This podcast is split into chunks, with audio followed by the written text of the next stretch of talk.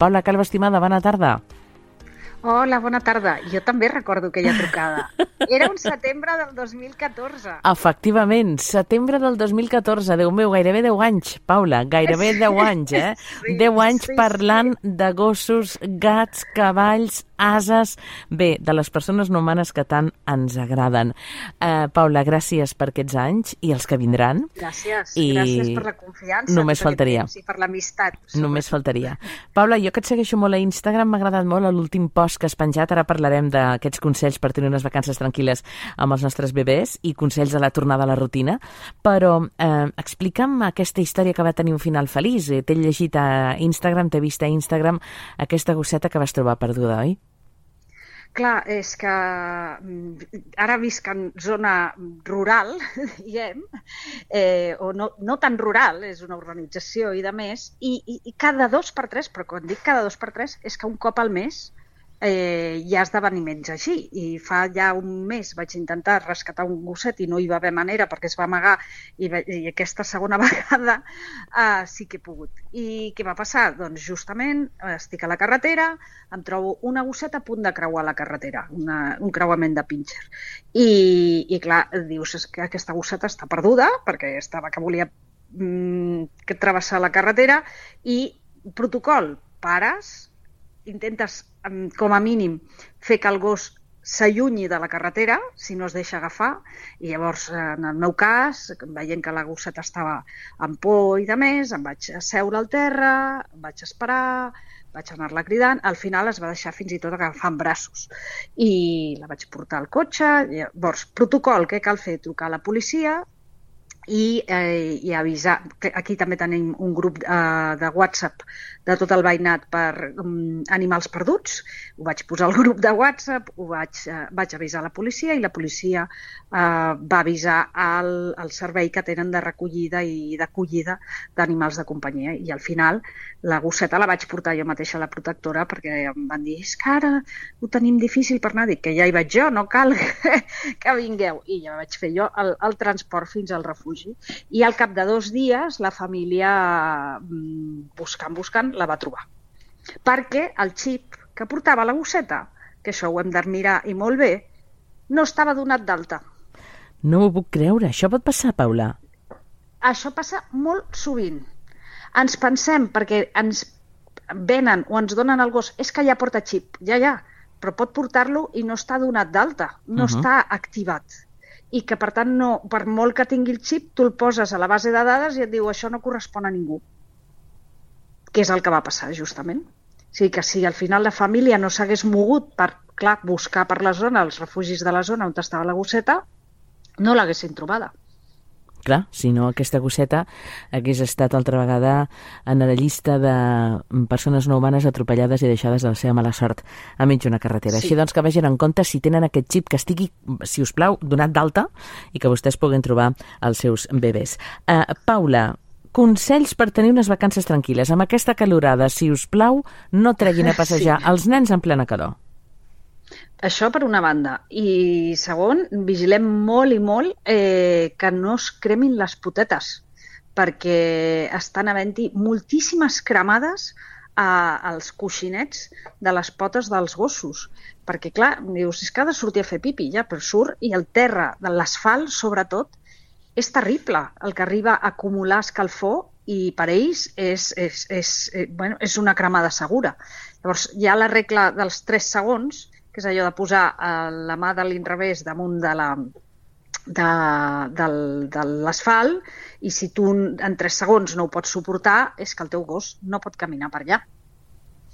Llavors, tinguem molt en compte això, tinguem molt en compte que si volem fer alguna excursió, alguna cosa, hem de portar aigua, hem de donar els seus descansos al, al gos, perquè tot el que abans, eh, potser en ple hivern, el gos aguantaria, ara no, per la calor.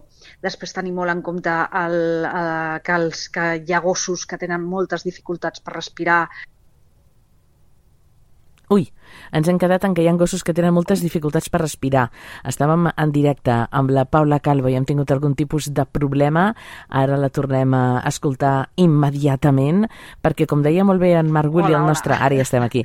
El nostre realitzador, sí. és clar, no són gaire conscients els que surten a passejar amb els seus bebès, però tampoc pot ser que hi hagi algú que a 45 graus eh, comenci a fer running a les 10 del matí. Paula, tampoc és gaire recomanable. O, o, o, o bicicleta a les 3 de la tarda, que t'ho dic que perquè on t'ha vist, a les 3 de la tarda hi ha ciclistes pujant mm, bé, mm, desnivells ben alts. Vull dir, si volem fer el boig, fem-lo amb, amb nosaltres, que és el nostre problema, però no amb els nostres animalons. Llavors, siguem, hem de posar molta consciència a la part de, de, del tots els límits a nivell de calor, saber també protocols en cas de que el, el nostre animaló li tingui un cop de calor, el, el posar-lo amb, amb draps humits, especialment al, al cap, al morro, a, a, a les aixelles, a la panxa, tot això que es pot fer i trucar al veterinari ràpidament trucar al veterinari I... ràpidament i fer el que s'ha de fer, que és eh, veure si pantegen molt, si el so de la sí. seva respiració no és normal, anar cap al veterinari. Totalment. I després, eh, altres coses a tenir en compte les vacances. Molta gent mm, pot dir, jo marxo de viatge, me'l vull endur o no me'l vull endur, me'l puc endur o no me'l puc endur. Aquí dependrà de diverses coses. Si és un gat, i marxem de vacances mm, un mes, encara que sigui un mes, el gat s'està molt bé a, a casa seva. I el territori és el lloc on se sent segur. A menys que estigui molt acostumat a, una segona residència molt concreta o sigui un gat molt acostumat a viatjar, que no és la majoria dels casos, el millor és que es quedi a casa i que algú se n'ocupi a casa seva d'anar a veure'l cada dia o de fins i tot quedar-se a casa i ocupar-se del gat. Fixa't. Què no vas a dir? No, anava a dir que l'Anna Los, companya del Mundo, la bona amiga Anna Los, que sempre ens escolta i que sempre t'escolta, eh, m'explica que avui ella es troba en una zona molt concreta de Catalunya, ha vist un amic seu pagès corrents darrere del gos i li ha preguntat eh, on va Joan i ell li ha dit és que si venen els de Barcelona es pensen que està perdut el meu gos i truquen als Mossos i, i ell ah. anava corrents darrere del gos, no? Home, entenc perfectament que si veiem un gos perdut el que hem de fer és trucar Mossos, però com molt bé diu l'Anna i com molt bé dius tu, esperem que, aquest, que aquesta persona no humana tingui propietari i el vagi a buscar. És a dir, no, no només és qüestió de fer una bona obra i emportar-nos-el, és que potser la família l'està buscant, Paula. Clar, clar, això per una banda. I per l'altra, lamento dir-li a aquest senyor que és que el gos no es pot portar lliure així com així, sense control. Ja, ja. Si veus un gos que no té ningú eh, que l'està cuidant a prop, eh, dones per suposat que, era, que és abandonat i que un gos que no té supervisió propera d'algú el poden atropellar. Sí, sí, clar. El que passa que eh, a zones de Catalunya, per exemple, diu l'Anna, eh, són set al poble i no els diguem mai, clar, perquè són set al poble, no? Jo també ho entenc. O, per exemple, la bebè d'en Víctor, que està passant l'estiu unes vacances meravelloses en el seu resort de Menorca. Clar, eh, perquè si tu veies la foto de la bebè del Víctor, diries, jo vull ser ella. Ella es passa el dia, doncs, pren el sol a la maca, bé, ella fa mm, que temps, bé, que bé. temps d'hivern a Barcelona, sí, temps d'hivern a Barcelona, temps d'estiu a Menorca. Clar, l'altre dia m'ensenya les fotos d'ella que posa com si fos Brigitte Bardot, és a dir, li ensenya la càmera i ella ja es col·loca perquè li facin la foto, és brutal. Com es diu la teva nena, Víctor, que no me'n recordo? Això, la Eris. La Eris es col·loca com si fos Brigitte Bardot.